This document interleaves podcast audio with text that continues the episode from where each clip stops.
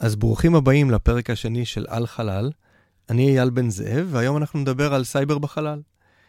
אני לא בטוח שהרבה אנשים יודעים, אבל ללוויינים יש השפעה גדולה מאוד מאוד על החיים שלנו ביום-יום. לווייני תקשורת, למשל, מעבירים לנו שידורים של yes, yes, אינטרנט וש... ושירותים אחרים. לווייני מזג אוויר נותנים לנו תמונה של מה הולך להיות מזג אוויר בימים הקרובים. לווייני ה-GPS, כמובן, ולווייני ניווט אחרים נותנים לנו תמונת מצב של המיקום שלנו בעולם. מי, מי מאיתנו לא משתמש בווייז ברמה היומיומית ורוצה להגיע מנקודה לנקודה? אנחנו עושים את זה בין היתר בעזרת לוויינים, לווייני ניווט.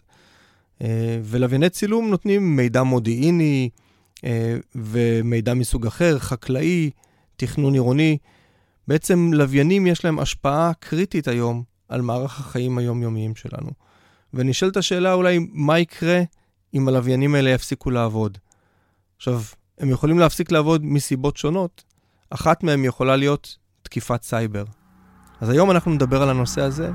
בואו נתחיל עם קצת מוזיקה מדליקה וישר ניכנס לראיון.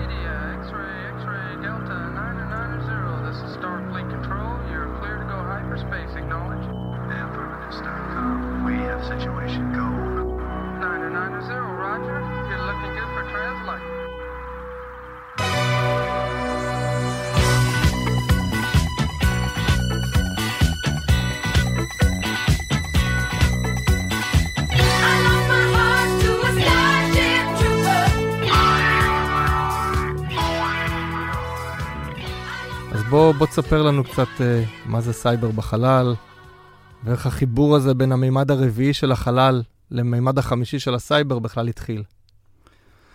אז קודם כל, אה, בוקר טוב. בוקר צח.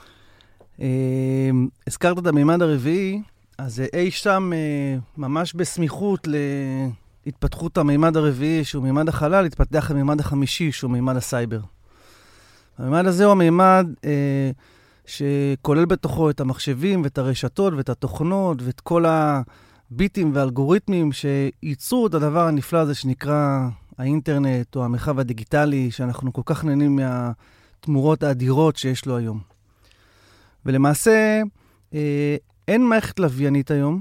אה, כשאני מדבר על מערכת לוויינית, אני מדבר על הלוויינים, על מערכות הפיקוד והשליטה, המשגרים, היישומים שהזכרת קודם, שאותם לוויינים אה, משמשים, שלא כולל בתוכו איזשהו שוק של מחשב.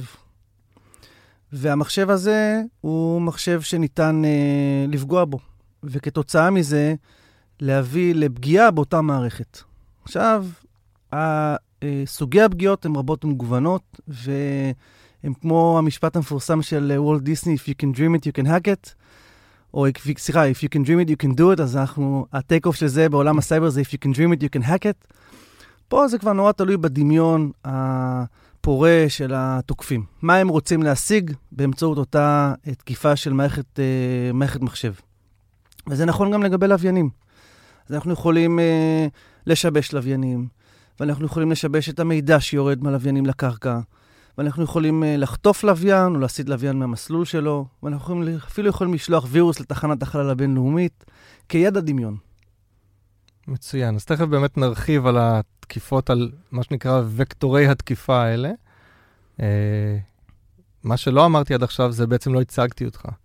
אז יש לי את העונג לשבת היום בבוקר פה עם רם לוי, אה, חבר משכבר הימים. אה, שנינו בוגרי אוניברסיטת החלל הבינלאומית. כבוד. כבוד, ריספקט.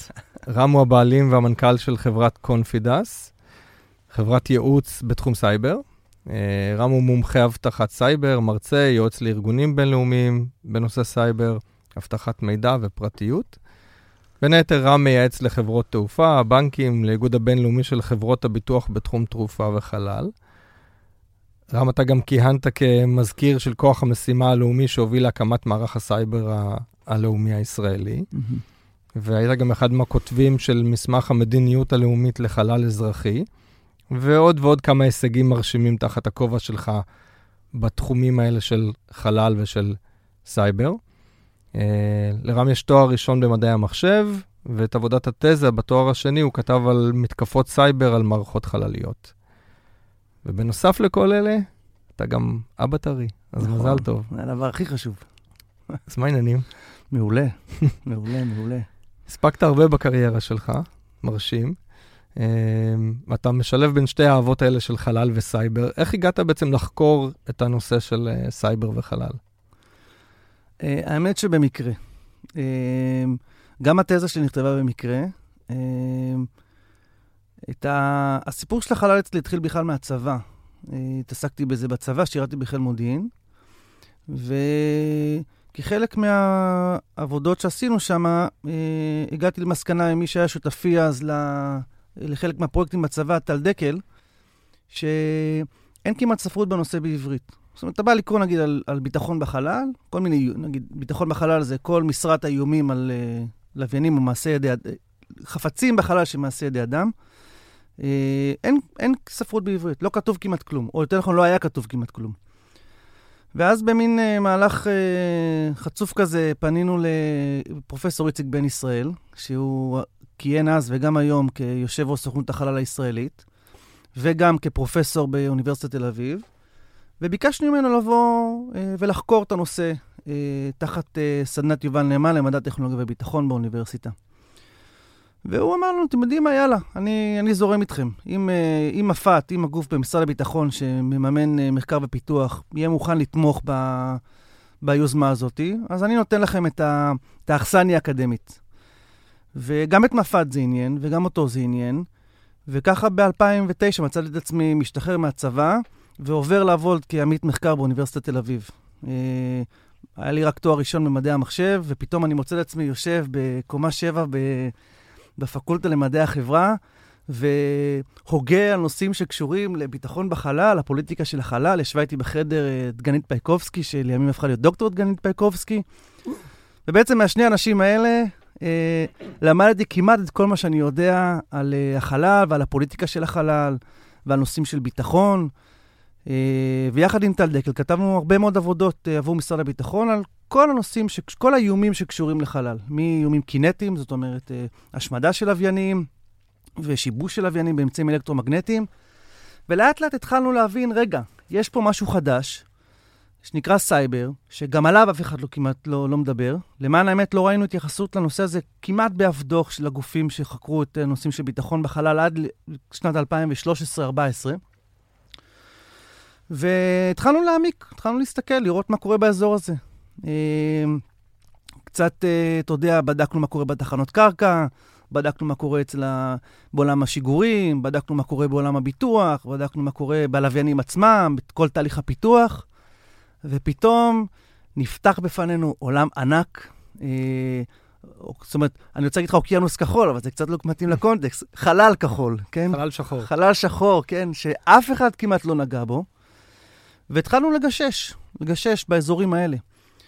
אה, לימים גם עשינו איזשהו, אתה יודע, איזשהו סיבוב כזה קטן, ואמרנו, טוב, אם לוויינים, הש, הש, אחד השימושים העיקריים של לוויינים זה שידורים לציבור, טלוויזיה ורדיו, היום זה קצת פחות, אבל עד לא מזמן, זאת אומרת, הטלוויזיה היה הדבר המרכזי, במיוחד בלוויינים גיאו-סטציונריים. וכתוצאה מזה, אה, גם אה, התפתחו כל מיני איומים על, על אותם לוויינים, במיוחד סביב או שיבוש, או השתלטות על שידורי טלוויזיה, כי כש... בדרך כלל כשיש מבצע צבאי, או שיש uh, מדינות רוצות uh, להשתיק את התקשורת מבחוץ, הן משבשות את התקשורת הלוויינית, שהיא בעצם אחד ממקורות המידע והידע החשובים ביותר עבור האוכלוסייה. אז גם ניסינו לעשות שם כל מיני בדיקות ולראות מה, מה אפשר לעשות, ואחד הניסויים הראשונים שעשינו, עם, עשינו אותו יחד עם אוניברסיטת החלל הבינלאומית, היה להראות שאפשר להשיג את אותו דבר, אפשר להשיג את אותו דבר, אפשר להשיג השתלטות על שידורי טלוויזיה ורדיו, מבלי לפגוע ב, אה, בתווך אלקטרומגנטי. עד אותה נקודת זמן מה שהיו עושים זה, היו פשוט משדרים בעוצמה יותר חזקה ללוויין, ואז הצלחת בבית, במקום לקלוט את האות מהלוויין, את האות המקורי של הלוויין, אתה קולט את, את האות המשובש. לוחמה אלקטרונית קלאסית. בדיוק. ואנחנו הראינו שאתה יכול פשוט לתקוף את תחנת הקרקע ולהחליף שידור בשידור. ואז הלוויין מבחינתו קיבל אות שהוא תקין לחלוטין, אף אחד לא יודע מאיפה זה הגיע, אבל הצופה בבית קיבל שידור שהוא בעצם השידור המשובש. שזה כבר גם יכול להיות לוחמה פסיכולוגית. זה יכול להעביר מסרים. זה בדיוק שמה, בדיוק. ולהפתעתנו, או יותר נכון, לא להפתעתנו, ל... היינו מאוד עצובים מהתגלית הזאת, זה לקח לנו בערך חצי שעה. זאת אומרת, הגענו לתחנת קרקע, ש... לא היו שם יותר מדי הגנות או דברים שצריך לעקוף, ותוך לא, חצי לא שעה... נס, לא נספר לאיזה תחנה. לא נספר לאיזה תחנה. אה, אבל לא, הם כבר עשו את מה שהם היו צריכים והכול, אז אני מניח שאם תחזור לתחנה הזאת היום, המצב יהיה הרבה הרבה יותר טוב. אבל תוך חצי שעה מצאנו את עצמנו כבר עם אה, שידור חלופי שלנו, אה, כשאנחנו מוציאים החוצה את המנהלים של התחנה ונועלים להם את השרתים, ואנחנו יושבים בתחנה ועושים מה שאנחנו רוצים. וה... והבעיה, או יותר נכון, מהצד של התוקף, היתרון הוא ברור. הוא משאיר חתימה נמוכה, לא רואים את ה... זאת אומרת, אי אפשר לראות בספקטרום האלקטרומגנטי, בפיזיקה, שמשהו קורה, אלא שפשוט השידור הוחלף בשידור. מזווית הראייה של המגן, יצרנו בעיה ענקית. כי עכשיו אתה צריך לייצר עולם ידע חדש, שלא היה קיים קודם, של איך מגנים לא רק על כל מה שיוצא מהאנטנה לכיוון הלוויין ועל הלוויין, אלא איך מגינים על מה שמגיע בכלל לאנטנה. אה, וזה אומר להגן על כל המחשבים בדרך. אז פה בעצם אתה, אתה נותן דוגמה להתקפת ערף, לא להתקפת סייבר, ואתה מדבר על, דיברת על, על שני וקטורים שונים, יכולת של לתקוף את הלוויין או יכולת של לתקוף את התחנה, אז, אז בואו באמת נדבר על, ה, על הנושא הזה של, של תקיפות. אפשר לתקוף היום לוויין באופ... או חללית, כל, כל גוף בעצם שנמצא שם בחלל, לתקוף אותו באופן ישיר. אפשר, כמו שאמרת, לתקוף את תחנת הקרקע. אפשר גם לעשות איזה שהן תקיפות uh, של התווך. Uh, אפשר גם לעשות uh, תקיפות רכות על מערכות שונות, uh, מה שנקרא social engineering. אתה יכול, וזה תקיפות שעושים בכל מיני מקומות, מפזרים דיסק און קיים בכל מיני מקומות, ועובד פשוט, לא שם לב, לוקח דיסק און קי שהוא מצב שהוא מחבר למערכת ודופק בעצם את תחנת הקרקע או את המחשב שאליו הוא חיבר. היו בעבר כל מיני תקיפות, גם על לווייני צילום, אה, גם על מערכות אה, ניווט. בשנים האחרונות אנחנו שומעים הרבה התקפות על מערכות הניווט, בין היתר גם באזור שלנו. אתה יכול לספר קצת על, ה, על התקיפות האלה בחלל, לתת כמה דוגמאות ו, ולהתמקד אה, במתקפות סייבר? בהחלט. אה, אולי הדבר החשוב ביותר שצריך לזכור כשאנחנו מדברים על מתקפות סייבר, זה המילה מתקפה. ולמה היא מילה חשובה? מכיוון שיש לנו איזושהי נטייה לשכוח שמאחורי המתקפה יש מישהו שתוקף. זאת אומרת, יש יריב שיש לו היגיון, והוא רוצה להשיג משהו באמצעות המתקפה הזאת, והסייבר הוא התווך שבאמצעותו הוא פועל. עכשיו, זה חשוב כי אנחנו צריכים לזכור שיש ליריב הזה כל מיני רצונות שאנחנו צריכים לנסות להבין אותם. עכשיו בואו ניקח את זה לכל מיני עולמות. נגיד, דיברת, הזכרת קודם את העולם של אה, שיבוש של מערכות ניווט. פה יש לך אה, כמה אפשרויות. האפשרות הראשונה היא לפגוע במערכת הניווט עצמה. זאת אומרת, בלוויינים שמרכיבים את הקונסטלציה, שהלוויינים יפסיקו לפעול, כמו שנגיד קרה בגלילאו. בגלילאו אמנם לא הייתה התקפה, אבל היה שיבוש כזה שגרם למערכת להפסיק לעבוד לאיזשהו פרק זמן. זה, זאת אפשרות אחת, שהיא אפשרות בעיניי אה, מאוד מסוכנת, מכיוון שאנחנו כל כך תלויים במערכות הניווט, אה, במיוחד במערכת הניווט האמריקאית, יש כמה, יש את האמריקאית שזה GPS, האירופאית שזה גלילאו, גלונס הרוסית, ביידו הסינית, יש את ה-QZSS של היפנים, ועוד אחת שההודים מפתחים. שהיפנים זה מערכת קטנה שנותנת מענה רק מעל יפן. כן. אז בגדול, שלושת המערכות המרכזיות זה גלונס, GPS וגלילאו, ובכל אחד באייפון שלו יש מקלטים, אה, מקלטי אות, אה, זה נקרא אות GNSS, Global Navigation Satellite System, שמסוגל לפענח את שלושת האותות. עכשיו, פה, אז כמו שאמרתי, עומדות בפנינו שלוש אופציות. אופציה ראשונה היא לשבש את, המע... את, המערכת עצמה. עכשיו, פה אתה יכול או לפגוע בתחנת הקרקע, ואז לדוגמה, לגרום לה לשדר נתונים לא נכונים, אה, להפסיק חלק מהפעולה של הלוויינים. אתה יכול לפגוע בלוויין עצמו, ואז אתה, אה, זו, כמו שאמרתי, זו פעולה מאוד מסוכנת. אבל אתה גם יכול לפגוע אה, באזורים גיאוגרפיים באמצעות זה שאתה משבש או חוסם את האות שיורד מהלוויין לכיוון הקרקע. עכשיו, היות והאות הוא חלש מאוד, מכיוון שהלוויין נמצא בגובה 24,000 קילומטר, אתה בעצם מתמודד עם אות שהמרחק שלך הוא הרבה יותר קטן ל-GPS שאמור לקלוט אותו.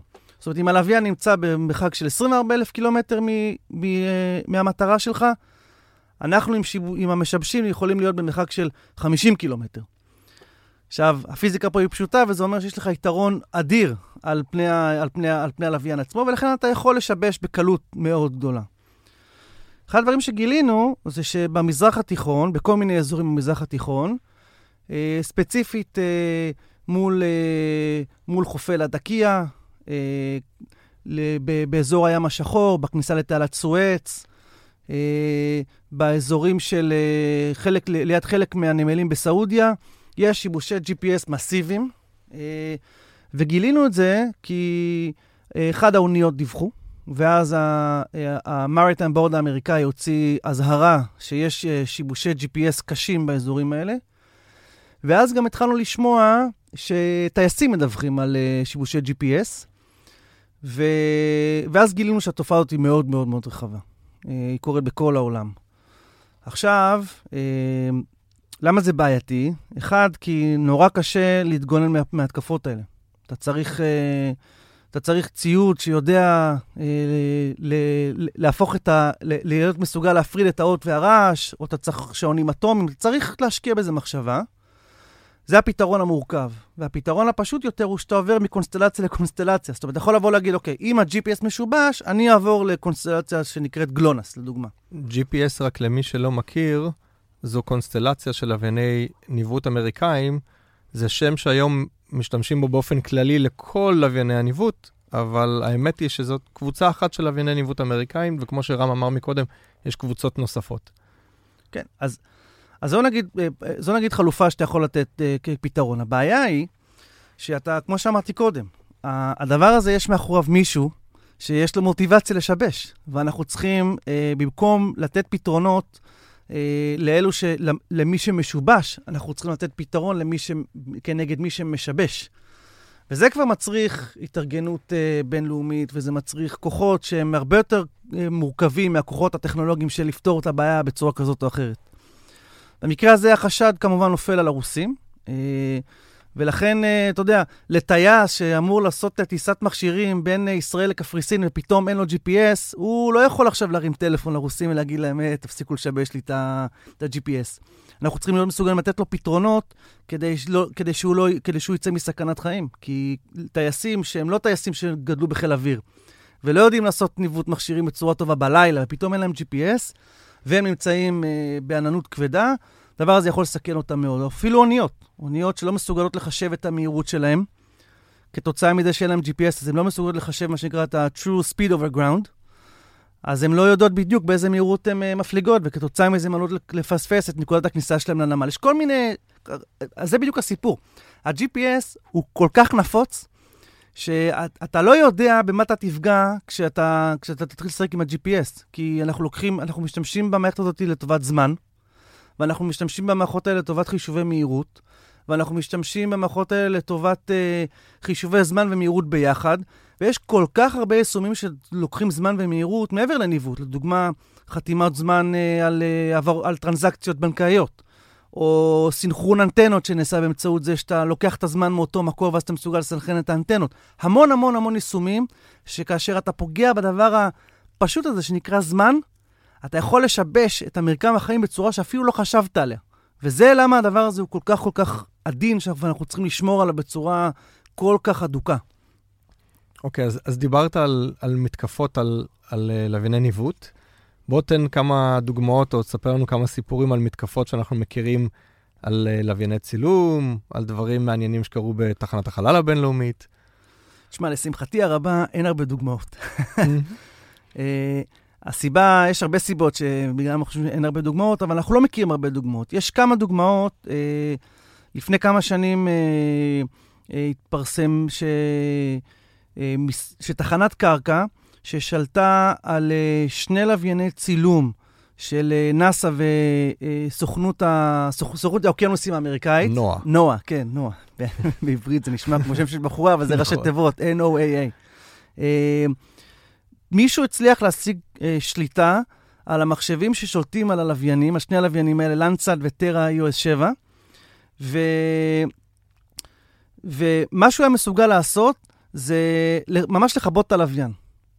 תחשוב שנייה על הדבר הזה, זה, זה מצב כאילו שהוא מטורף לגמרי. אתה שמת לוויין בשמיים, בחלל, הוא מסתובב סביב כדור הארץ, ומישהו נמצא לך במחשב ומסוגל להעביר פיקוד ללוויין הזה, מבלי שאתה בכלל יודע את זה.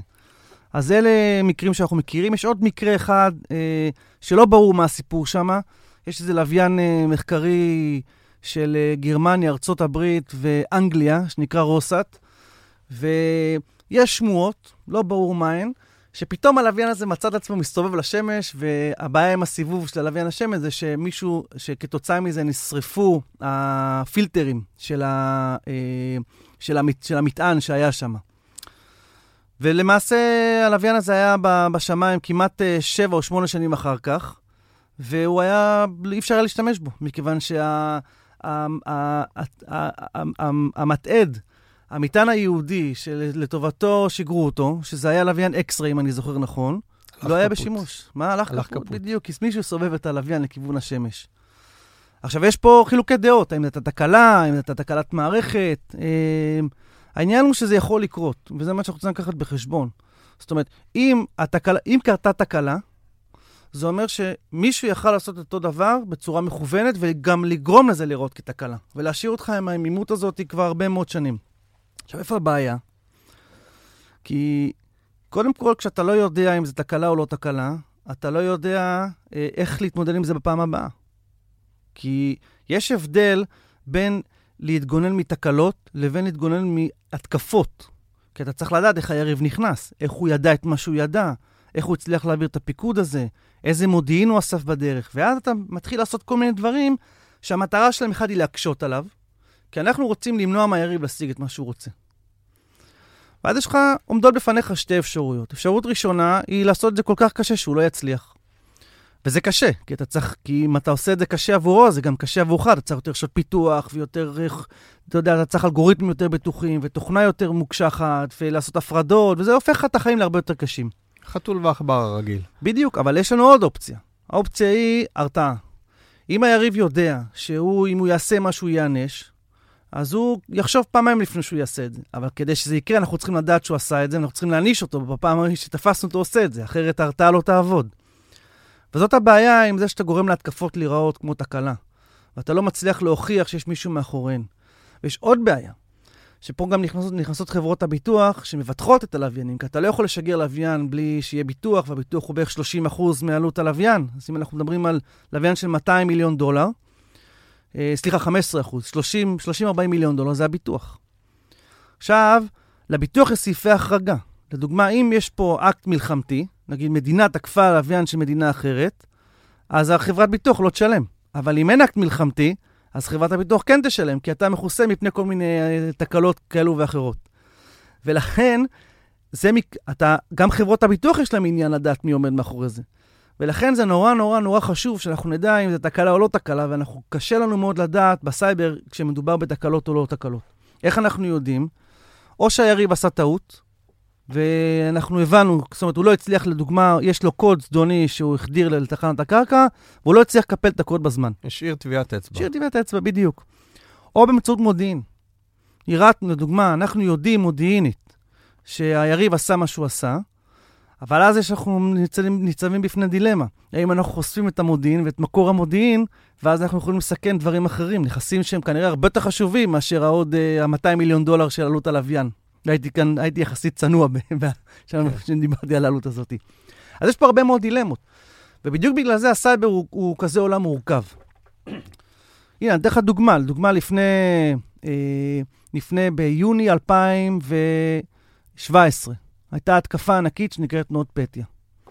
התקפה הזאת זו התקפה שאולי היקרה ביותר בהיסטוריה, העלות שלה מוערכת בערך בעשרה מיליארד דולר. ובגדול מה שקרה שם הוא, אה, זה סיפור נורא מעניין. הרוסים רצו לשבש את הכלכלה האוקראינית, והם החדירו נוזקה, וירוס, שהוא גם תולעת, זאת אומרת שהוא יכול להתפשט בתוך הרשת, באמצעות חולשות שהם גנבו מה-NSA. תקשיב, אני אחזור על זה עוד פעם. הרוסים גנבו חולשות מה-NSA. NSA, ארגון ביון אמריקאי. ארגון הביון האמריקאי. שאחראי חולש... בין היתר על לווייני הביון האמריקאי. בדיוק. והם גנבו חולשות שבאמצעותם אפשר היה להשתלט על מערכות הפעלה מסוג Windows. אני תכף אחזור על כל הסיפור הזה עוד פעם, כי you can make this up. והשתמשו uh, בדבר הזה, ואיך הם החדירו את זה עכשיו לכל מיני ארגונים באוקראינה? באמצעות זה שהם את, את, הטמיעו את, ה, את הווירוס שהם כתבו באמצעות החולשות שהם גנבו מהאמריקאים בתוכנת הנהלת חשבונות. עכשיו, כל עסק צריך תוכנת הנהלת חשבונות, במיוחד אם החוק מחייב אותך לנהל חשבונות עם 2-3 תוכנות מוכרות, ולכן אה, כל החברות שעובדות באוקראינה בשלב מסוים התקינו את הגרסה החדשה של התוכנה. זה מה שאנחנו קוראים בשפה המקצועית, התקפה באמצעות שרשרת האספקה. עכשיו, אתה ארגון, כן? כל ארגון, יש לו מאות תוכנות שהוא עושה בהן שימוש. אופיס, רק אופיס עצמו זה מקבץ של עשרות תוכנות. אופיס ואדובי ומערכת ההפעלה, ותוכנות הנהלת חשבונות, וגרפיקה, ו-you name it. ופתאום לקחו תוכנת הנהלת חשבונות הכי פשוטה בעולם, והתוכנה הזאת הפכה להיות כלי נשק. עכשיו, ברגע שהיא נמצאת אצלך ברשת, היא מתחילה, כמו שאמרתי, זה גם וירוס, זאת אומרת, זאת אומרת, גם אפשר לגרום לך נזק במחשב, אבל היא גם תולעת. היא ניצלה את החולשות של Windows בתוך ה-Windows שהיא הייתה בו ברשת שלך, כדי להתפשט לכל המחשבים אצלך ברשת.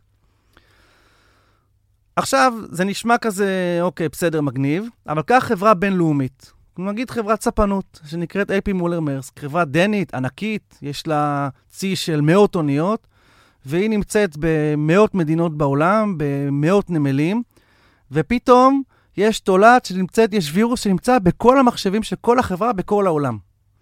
וברגע אחד, המישהו הזה מחליט שהוא מוחק אותם. מוחק את המחשבים. אין מחשבים.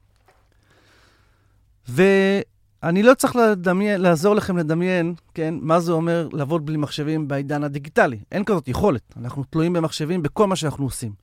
אתן לך דוגמה, בסדר?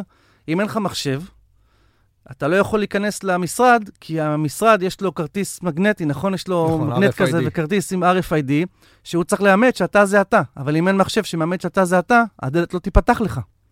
זאת אומרת, מהפתיחה של הדלת ועד טעינה ופריקה של מכולות באונייה, עכשיו, האוניות היום זה אוניות של 10, 15, 20 אלף מכולות באונייה.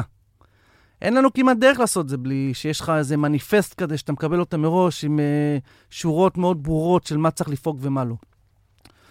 עכשיו, לכולנו זה נשמע, והדבר הזה קרה בעשרות חברות בכל העולם, מחברות תעופה וחברות תרופות, אי אפשר היה לייצר תרופות ב, ב, ב, בחלק, מ, בחלק מחברות התרופות כי הם נתקפו, ואז היו צריכים להוציא תרופות עם מחסני חירום, באמת, סיפור הוליוודי. ואתה רק חושש מה יקרה כשזה יעלה למעלה, ללוויינים שלנו בחלל. אנחנו אפילו צריכים לחשוש, כי זה קרה. נאסא, יש אה, סיפור מאוד ידוע, יש סרט שנקרא Underground, ואני ממליץ לכולם לראות אותו, זה סרט על סיפור חייו של אה, לא אחר מאשר אה, מייסד ויקיליקס, ג'וליאן אסנג', והסיפור הזה שמבוסס על, על, סיפור, על, על, על, סיפור, על סיפור חייו, אימא שלו הייתה לוחמת, לוחמת חופש כזאת, גרין פיס, ובשנות ה-80 נאסא רצה לשגר לוויין, שהיה לו, הוא היה עם סוללה עם, אה, בסולה, עם בטריה גרעינית. אטומית, כן. כן. והם הפגינו, כי הם חששו, זה היה קצת אחרי צ'רנוביל, הם חששו מה יקרה אם יהיה פיצוץ במהלך השיגור, ותהיה שם אה, פסולת גרעינית אה, מאוד גדולה בפלורידה, וכל מיני דברים כאלה, כמו היום עם החיסונים, כן? שמבוססים בעיקר על בורות. והם הפגינו, ואחד הדברים שהוא עשה, וזה מופיע בסרט, הוא שלח את הווירוס תולעת הראשון בהיסטוריה, שנקרא מנדקס, והווירוס הזה מחק את המחשבים בנאסא, וכתוצאה מזה עיקף את השיגור. זאת אומרת, אפילו נאסא, עכשיו, אנחנו לא יודעים אם הסיפור הזה, אם הוא אמיתי או לא, אבל אני יכול להגיד לך שכשאתה אה, מספר אותו לאנשי נאסא, ואני סיפרתי אותו בכמה פורומים שהיו שם אנשים מאוד בכירים בנאסא, הפרצופים קצת הסגירו את העובדה שכנראה מדובר בסיפור אמיתי. עכשיו, נאסא, נאסא אה, כל הזמן, אחת לשנה מפרסמת דוחות על המצב של הגנת הסייבר בנאסא, ואני רוצה להגיד לך שהמצב הוא, הוא לא כל כך טוב. הוא לא כל כך טוב, וזה לא כל כך באשמת נאס"א. הוא לא כל כך טוב כי זה פשוט נורא נורא נורא מורכב להגן על רשת כל כך גדולה, אה, כל כך מורכבת, שצריך להשאיר המון המון גמישות למפתחים בתוך הרשת הזאת, שהיא תלויה מאוד בשרשרת אספקה, כי לוויין זה בעצם אוסף של ספ... מאות ספקים שעסוקים, שמחוברים ביחד כדי לבנות את הלוויין עצמו, זה פשוט דבר נורא נורא מורכב. ואיפה שאתה לא סוגר, תהיה לך איזה פרצה. אז uh, הדברים האלה כבר קרו והם יקרו, ויש עשרות דוגמאות למקרים כאלה ספציפית, שפתאום אתה מוחק את המחשבים וזה נעלם. עכשיו אני רק רוצה לקחת אותך, תחשוב מה יקרה אם יום אחד מישהו יחליט למחוק את המחשב של הלוויין. הלוויין יפסיק לפעול. כן. מת. ואז אנחנו נכנסים לבעיה אחרת, שמה קורה כשלוויין אי אפשר לפקד ולשלוט עליו. נכון, ואני חושב שלא לא בטוח שכולם מודעים לתלות שיש לנו בתור בני אדם בלוויינים. נתתי מקודם דוגמאות ללווייני ניווט ולווייני מזג אוויר ולווייני צילום וכולי וכולי. יש לנו תלות די גמורה היום, מוחלטת, ב- ב- באותם אה, גופים שמסתובבים סביבנו. אני מסכים. Um... היה דרך אגב מקרה של לוויין, אה, לוויין בחגורה הגיאוסטציונרית בגובה 36,000 קילומטר, שאיבדו עליו שליטה והוא התחיל, אה, הוא, הוא התחיל לעשות drifting, הוא התחיל. לזוז במסלול והיו ממש צריכים לעשות לו reset כמה פעמים. כדי, כדי לקבל עליו שליטה ולהחזיר אותו בחזרה למקום שלו. קראו לו בזמנו Zombiesat. באמת היה חשש, הבעיה שהוא התחיל, איבדו את הפיקוד, את הפיקוד על הלוויין, אבל הוא המשיך לשדר. ואז לאט לאט הוא נכנס לתוך אה, אזורי שידור של לוויינים אחרים. כן, נסחף. כן. אה, אז כן. כן, הדברים האלה קורים. קורים כאלה, קורים גם מקרים שבהם, ולפחות אלה השמועות והסיפורים, של אה, לפחות הלוויין רוסי אחד, שאני יודע ש... לא נסחף, אלא פשוט מגיע לאזורים שהוא לא אמור להיות בהם באותה רצועה גיאוסטציונרית, כדי לנסות להוציא מידע מלוויינים אחרים שנמצאים שם. כן.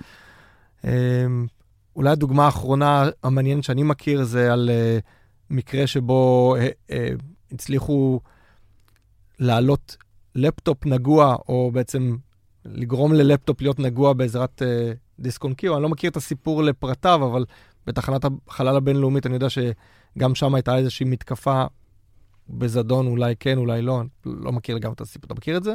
כן, אנחנו יודעים שווירוסים הגיעו לתחנת החלל הבינלאומית. אה, כל המידע שאנחנו, שאני מכיר הוא שזה היה בטעות, זה לא היה בזדון.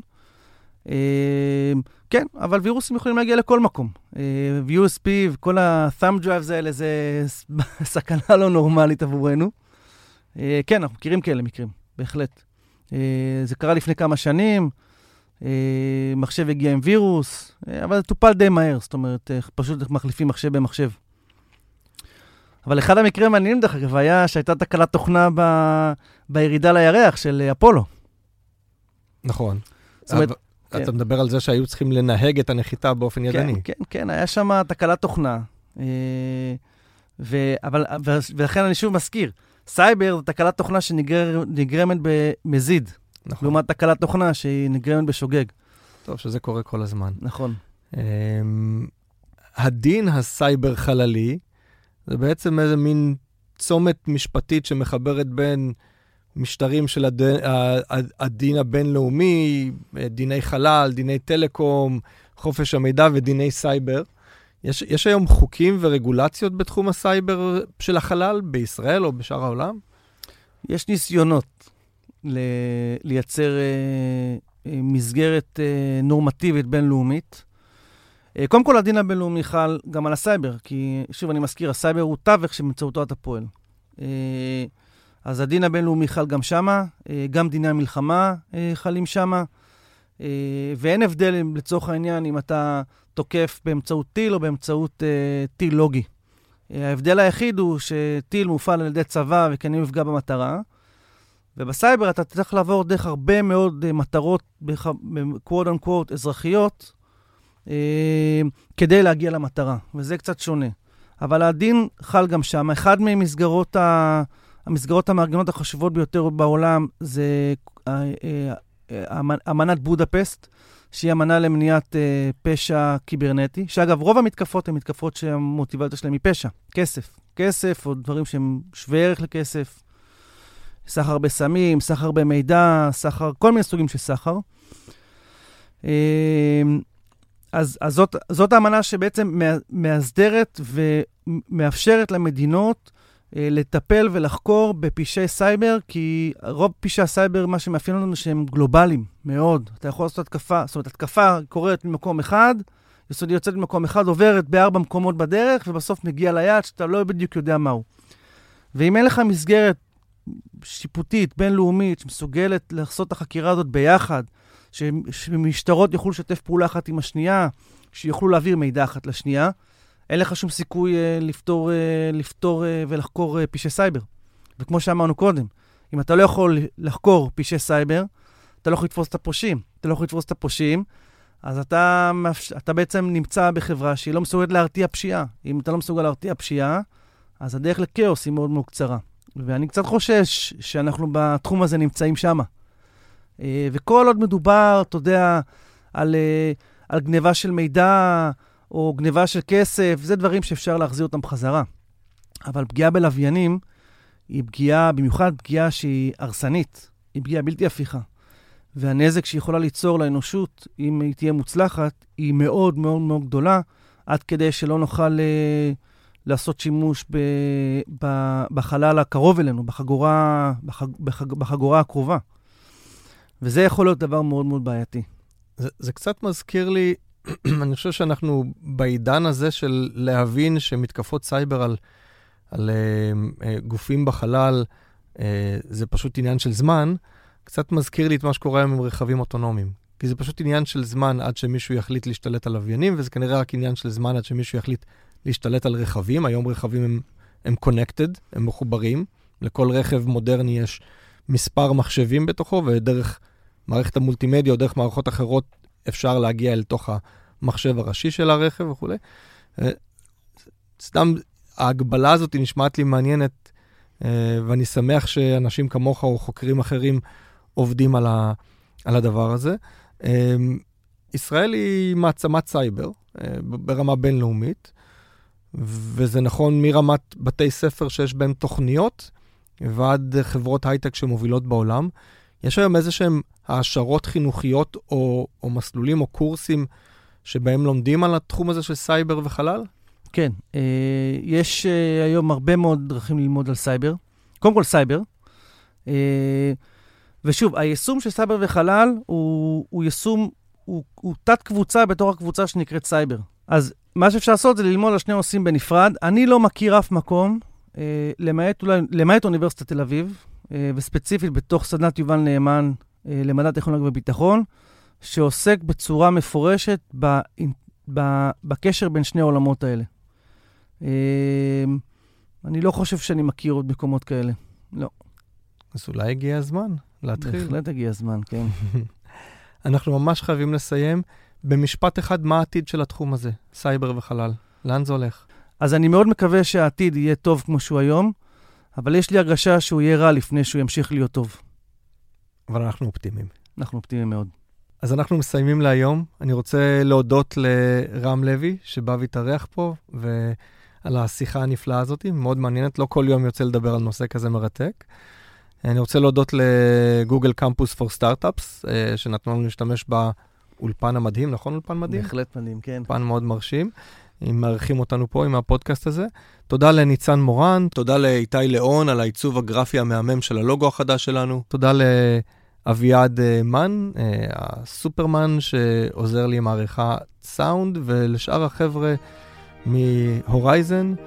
ונתראה בפרק הבא של פודקאסט על חלל. אני הייתי אייל בן זאב. ביי ביי. אני הייתי רם לוי. אתה היית רם לוי.